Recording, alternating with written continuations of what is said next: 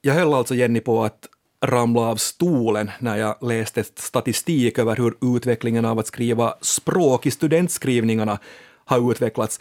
Alltså antalet finländska abiturienter som skrev kort tyska i studentskrivningarna har halverats på drygt tio år och antalet som skrev franska har mer än halverats under, under samma, samma tid. Kan vi glömma det här med att, att vi finländare är ett språkkunnigt folk? Alltså, det tror jag nog småningom. Alltså, det börjar bli, jag menar, det är ju engelskan som gäller och folk blir bättre på engelska men jättemycket sämre på andra språk.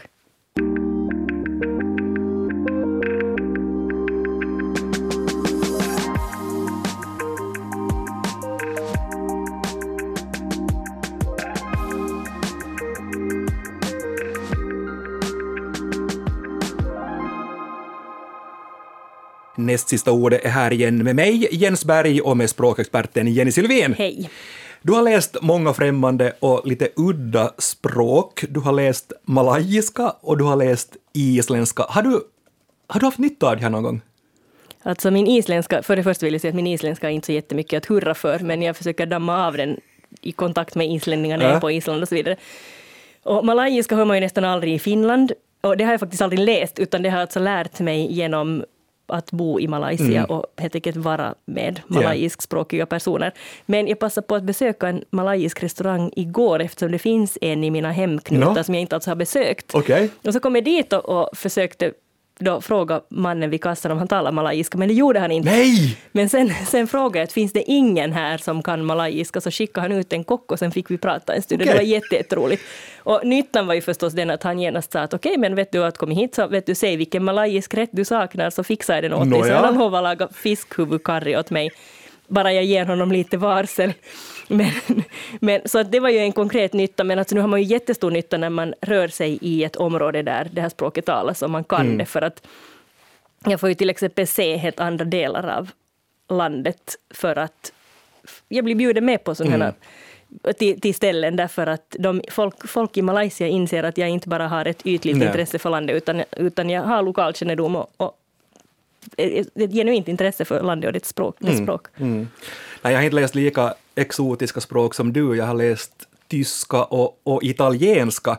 Men, men tyskan så, så har öppnat faktiskt jobbmöjligheter för, för mig. Jag blev invald i styrelsen för Midas. Vet du vad, vad Midas är? Nej.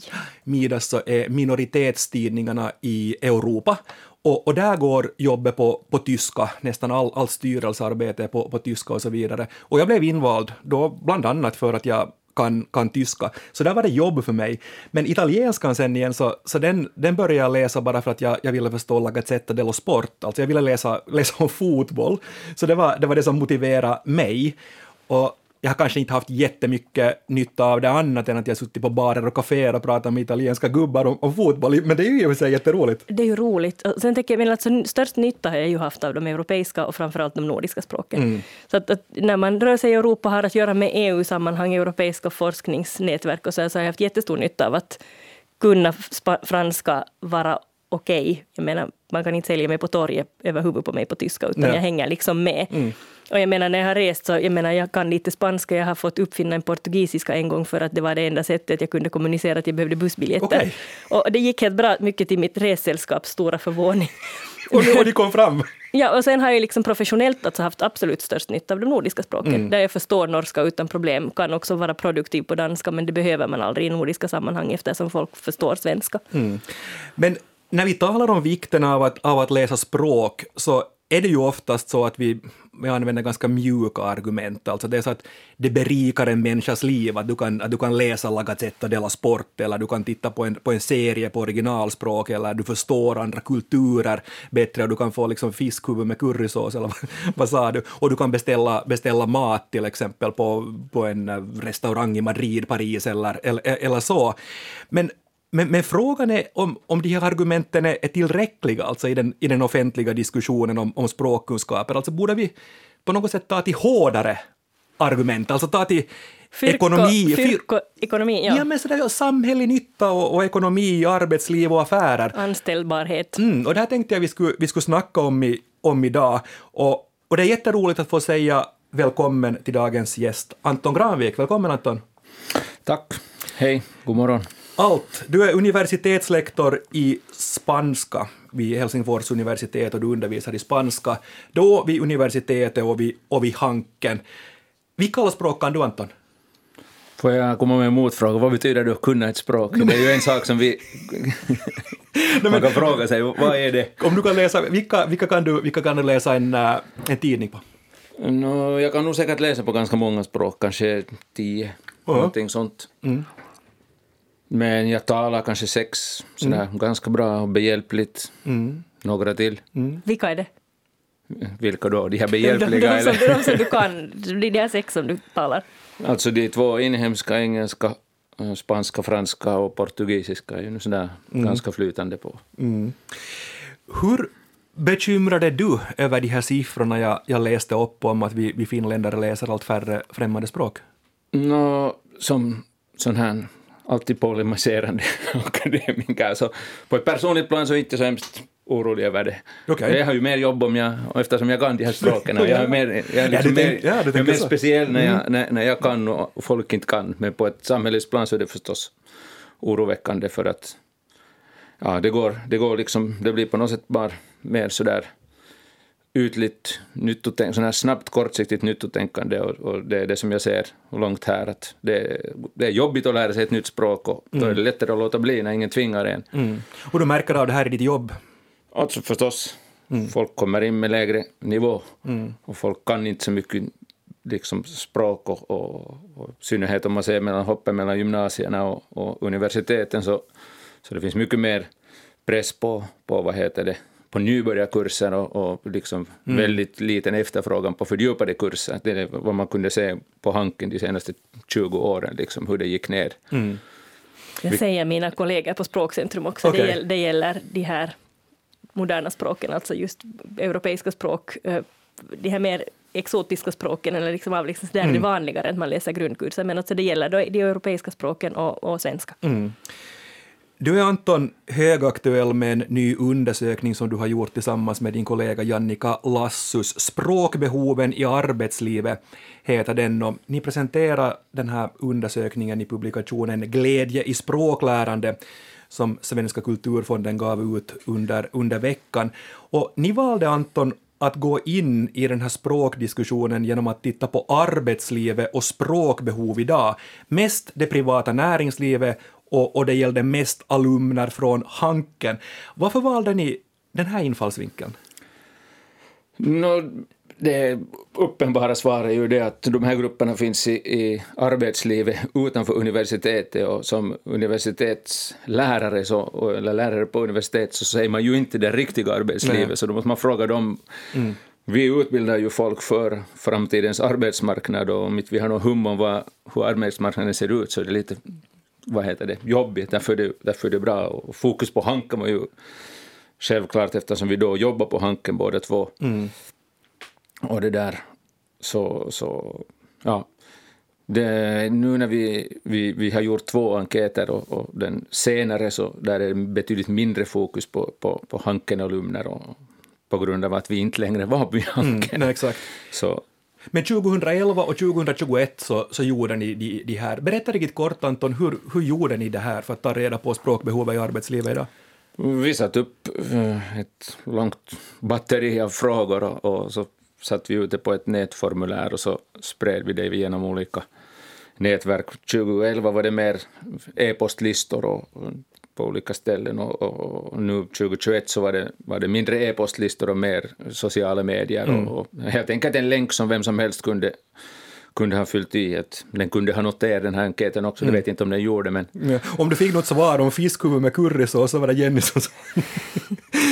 pala i kan. Men, men, men om, om, om, vi ser då Anton på, på det här, du sa 2011 och 2021, vilka är de största förändringarna i, i språkbehov som har skett under, under de här tio åren, alltså uttryckligen då i arbetslivet?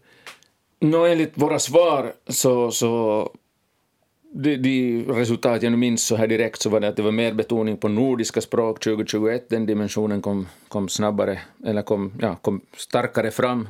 Alltså behov av nordiska? Behov av nordiska språk kom, mm. kom starkare fram 2021. Uh, eh, så hade nog behovet, eller användningen av, av de här främmande språken, vi kallar främmande, alla som inte är engelska, svenska, finska för mm. främmande språk, och det mm. behovet hade eller användningen av de här språken hade gått ner. Mm.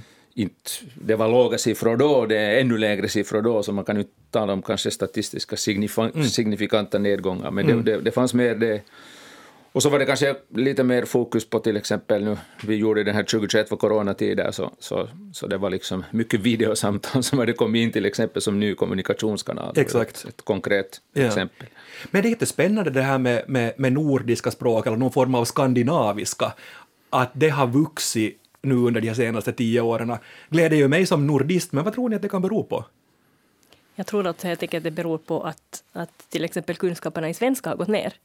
Vilket leder till att, att därför har behovet ökat, därför att det här liksom utbudet av folk som kan svenska har minskat, därför har efterfrågan ökat. Mm.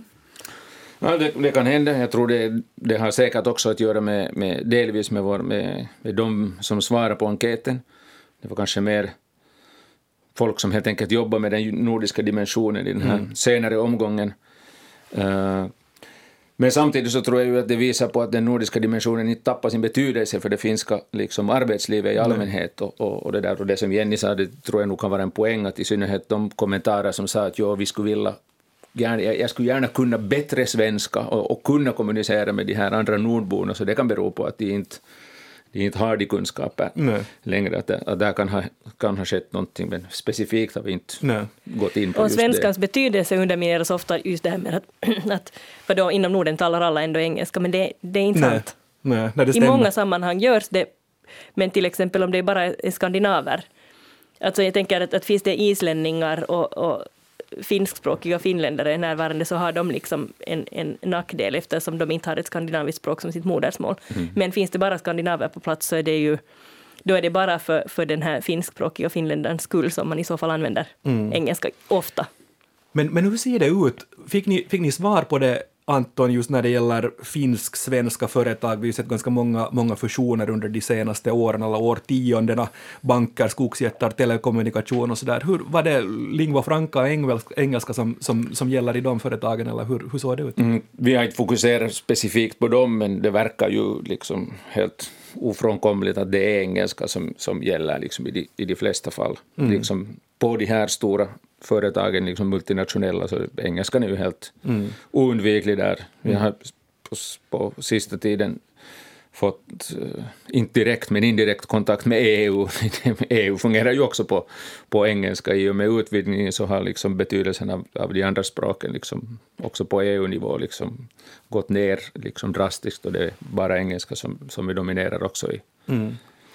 Men om man, om man vänder på frågan då, att räcker det inte med engelska då? För jag menar att om, när jag tittar på, på, er, på er studie så, så över 80 procent av de som svarar så uppgav att ja, de, de behöver och använder de, de båda inhemska språken och, och engelska. Om jag ställer frågan så men en bra engelska, en god engelska, räcker inte Vad sa de i, i, i svaren?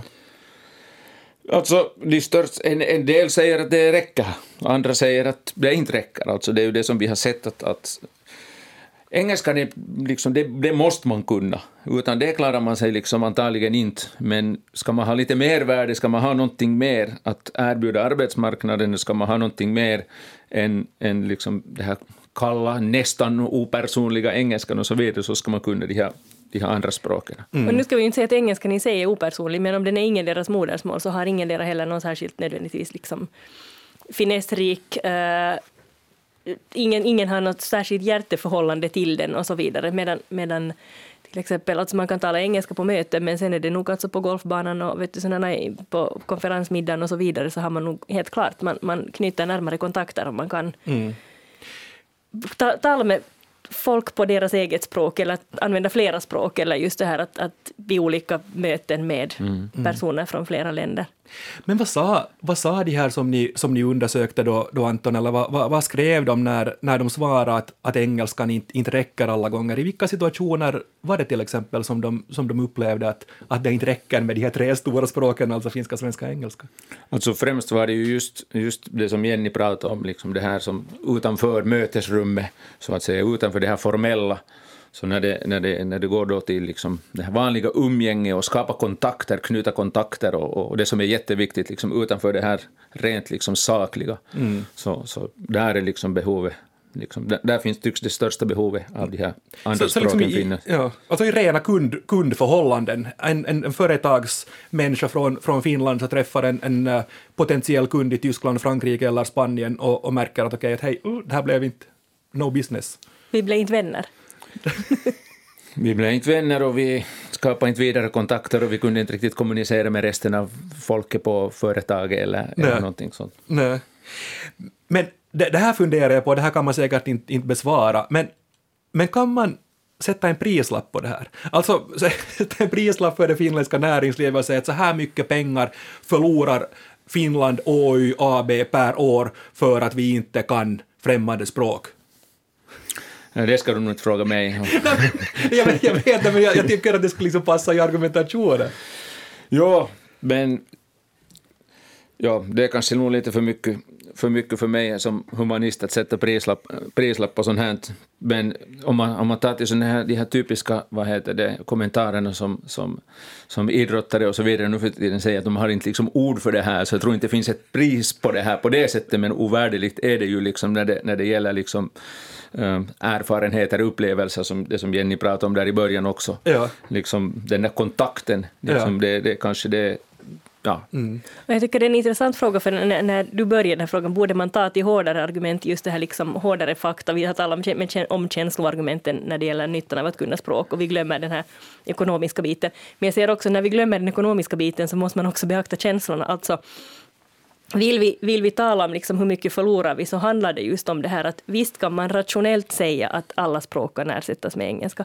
Men faktum är att de inte kan det just precis för den här känslodimensionen i den kommunikationen går förlorad. Vi, vi får inte samma kontakt om båda talar ett språk som är är ingen deras och just som Anton sa att, att du kan eventuellt tala med cheferna men kommer inte liksom, du, du får ingen gensvar eventuellt hos, hos de, resten på företaget. Ja. Och så där, medan små språkkunskaper, den, den, det, behöver ju inte vara fantastiska utan man kan, man kan börja med lite, men jag menar ofta de här, jag har liksom insett efteråt att de språkfärdigheter man får i skolan, man blir inte perfekt på ett språk, men jag har läst franska, jag har läst tyska, men jag har haft möjlighet att utveckla min franska vidare under i, i liksom, mitt yrkesliv. Mm.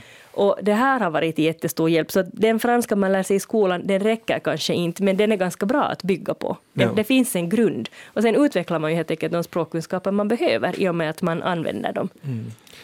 Och folk, förlåt, folk älskar ju att prata om språk. Liksom folk runt över hela världen, om, om det någon kommer en utlänning som kan lite någonting, Ja. så liksom, att prata om språk, att jämföra språk och så vidare, det är ett superbra samhäll, Ja. samtalsämne också med, med folk man inte känner. Det är sant. Det är nästan lika bra som fotboll.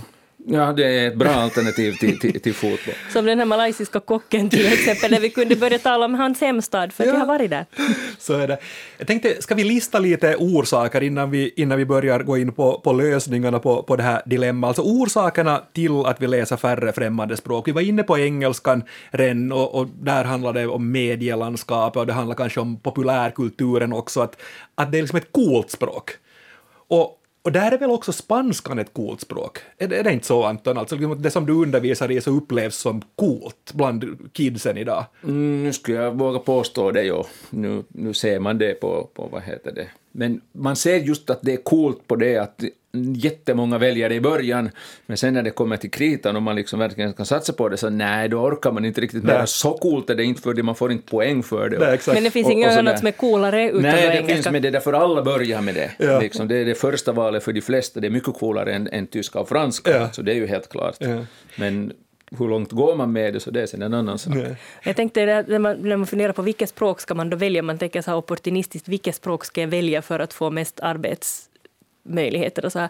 Jag tror att det spelar inte så stor roll, du ska välja det språk du är intresserad av. Att sen, sen tenderar det, att man, man kanske hamnar någonstans just på grund av att man kan det språket. Ja.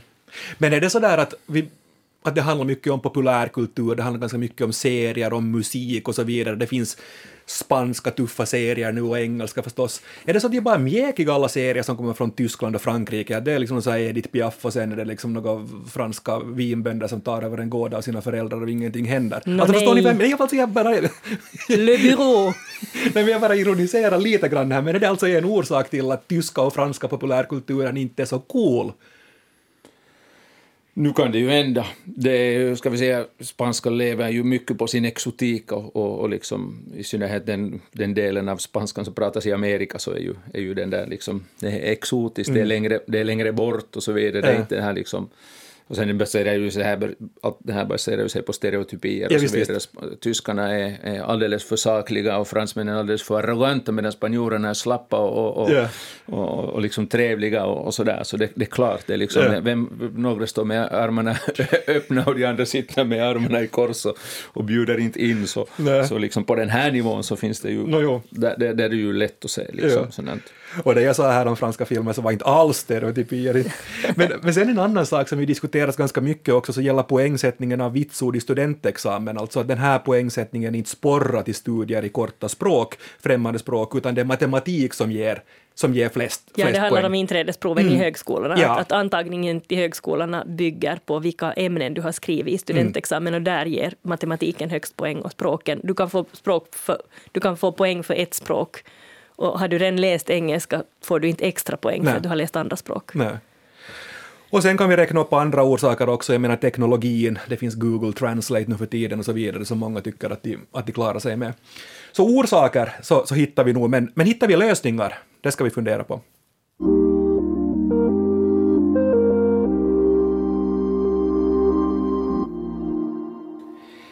När vi tittar, Anton, på de här personerna som svarar på er, eh, på er undersökning, eller svarar i er undersökning om att de, att de inte har tillräckliga språkkunskaper, eller att de upplever att de skulle behöva mera språkkunskaper i, i, i arbetslivet.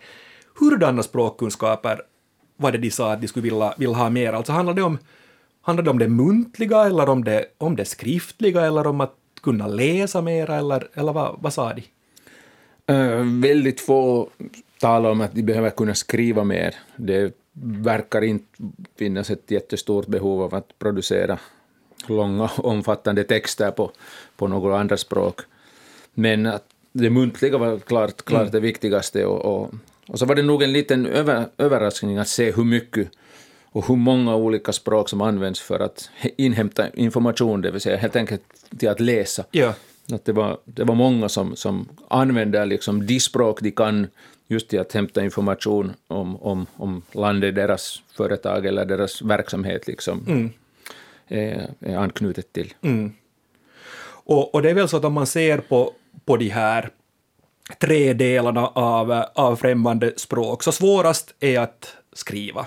Sen kommer att prata och sist kommer kanske att, att begripa lite, lite text.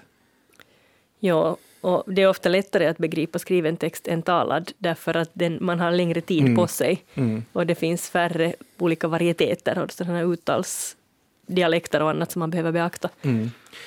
Men om vi börjar, börjar titta lite på det här, vad man skulle kunna göra, hur vi ska kunna reda upp det här nu, Anton och Jenny och jag, jag här. vi ska få oss finländare att läsa, läsa mera språk. Vi, vi har varit inne på argumentationen, det vill säga att titta mer på det här också praktiskt. Vad behövs i arbetslivet, vad behövs i näringslivet idag? Och där har ni kunnat konstatera, Jannika och du, alltså att, att eh, att det räcker inte till med finska, svenska, engelska alla gånger. Men vilka tips skulle ni vilja komma med? Va? Vilka andra, andra saker ska vi ta till när det gäller både skriftlig, muntlig och, och, och sen färdigheter i att kunna läsa på främmande språk? Oj, det är, det är ju det som är den här miljon euros frågan. Det är därför jag ställer frågorna bara här också. Men alltså förstås, det är ju klart att det största efterfrågan finns ju på de här muntliga färdigheterna och, och kasta ur sig våga, våga ge sig, kasta ur sig språk och kasta sig in i samtal. Mm, mm. Det är väl kanske det som man borde försöka. Ja, som sänka tröskeln helt enkelt. Ja. ja. Men också för att man ska kunna sänka sin egen tröskel så behöver man kanske en ganska på något sätt rik input av olika fraser och, och annat som man kan använda för att kunna mm. själv börja konstruera ett språk. Mm. Att här är vi också som språkinlärare olika. Vissa vill ha just mycket input och kunna färdiga fraser medan andra behöver lära sig se strukturerna, förstå mm. grammatiken och bygga upp det här språket själv. En del förstår fraserna via grammatiken, andra förstår grammatiken via fraser Exakt, de har lärt sig. Ja. Och det här är ju förstås en sak som behöver beaktas, men, men på det hela taget så tror jag att de flesta skulle vilja känna sig säkrare i sin kommunikation. Mm. Men hur, hur skulle du göra Anton? Liksom när, skulle du börja med, med liksom korta chattmeddelanden eller läsa och skriva i sociala medier eller mer, eller, eller hur, hur skulle ditt recept se ut? Ja, pratar du nu om språk, vad heter det, klassen där man, där man undervisar spanska eller pratar du mer allmänt? Så det är olika, olika svar där.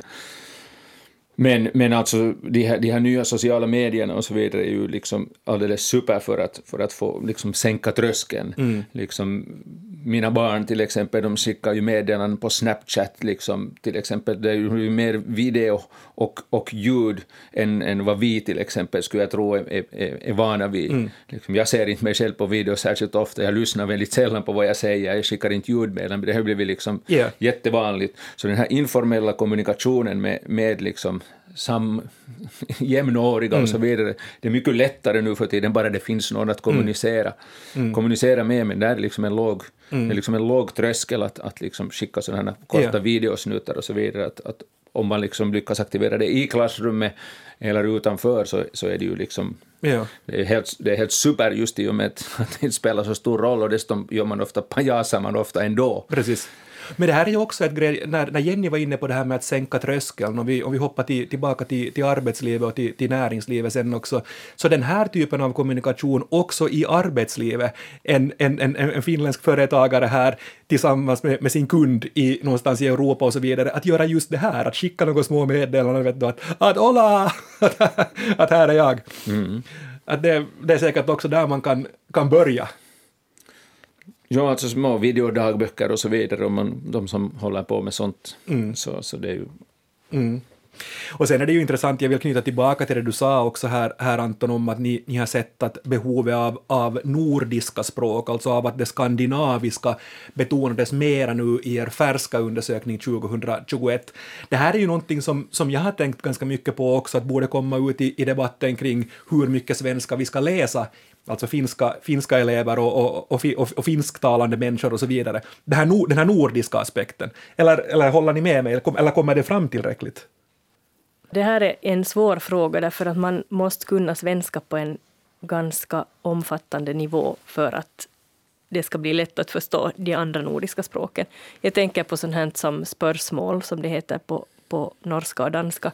Och det här man kan givetvis lära sig att en fråga heter spörsmål på norska och danska.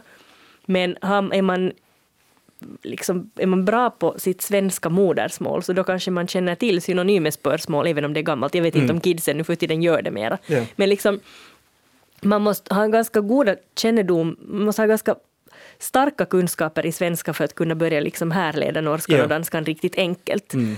Sen är det ju ingenting som hindrar att man skaffar sig de här djupa kunskaperna i svenska, eller att man faktiskt aktivt lyfter in skillnader mellan de nordiska språken, men då måste det i så fall inkluderas i svenskundervisningen. Mm. Och, och, det förutsätter att man, det finns mycket annat som svenskundervisningen också ska hinna med. Mm. Ska det bli en uppföljning, Anton? Det var 2011 och 2021. Ska ni göra en 2031 också? Mm, det kan nog hända. Ja. Det är inte, jag, jag funderar själv på det här ja. innan jag kom hit och tänkte att det, det kan nog hända att det finns skäl och, och varje gång man gör en sån här undersökning så förbättrar man den lite. Mm.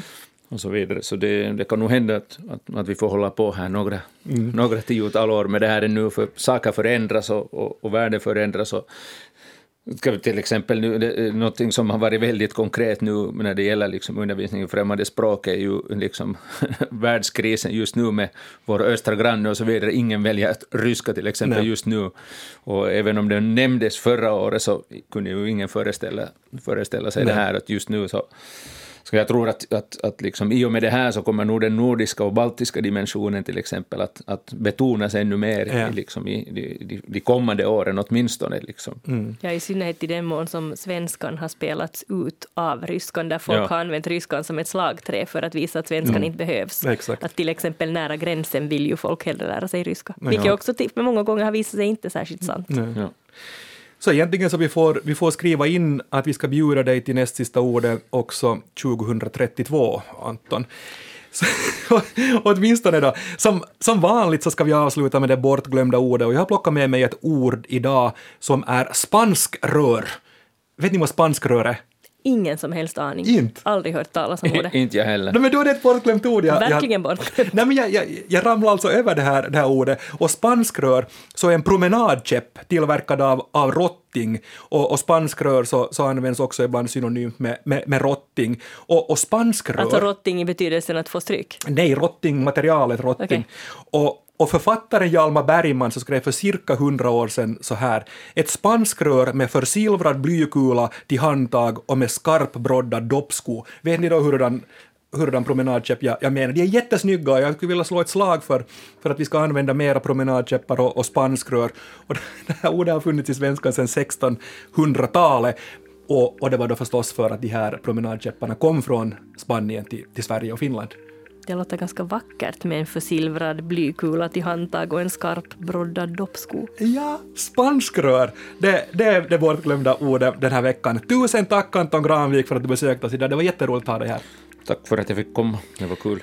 Och har du synpunkter på dagens avsnitt eller vill du önska ett ämne eller rent av tipsa om ett bortglömt ord, skriv till oss då på nastsistaordet at yle.fi. Men nu för denna veckan säger Jenny och Jens Morgens.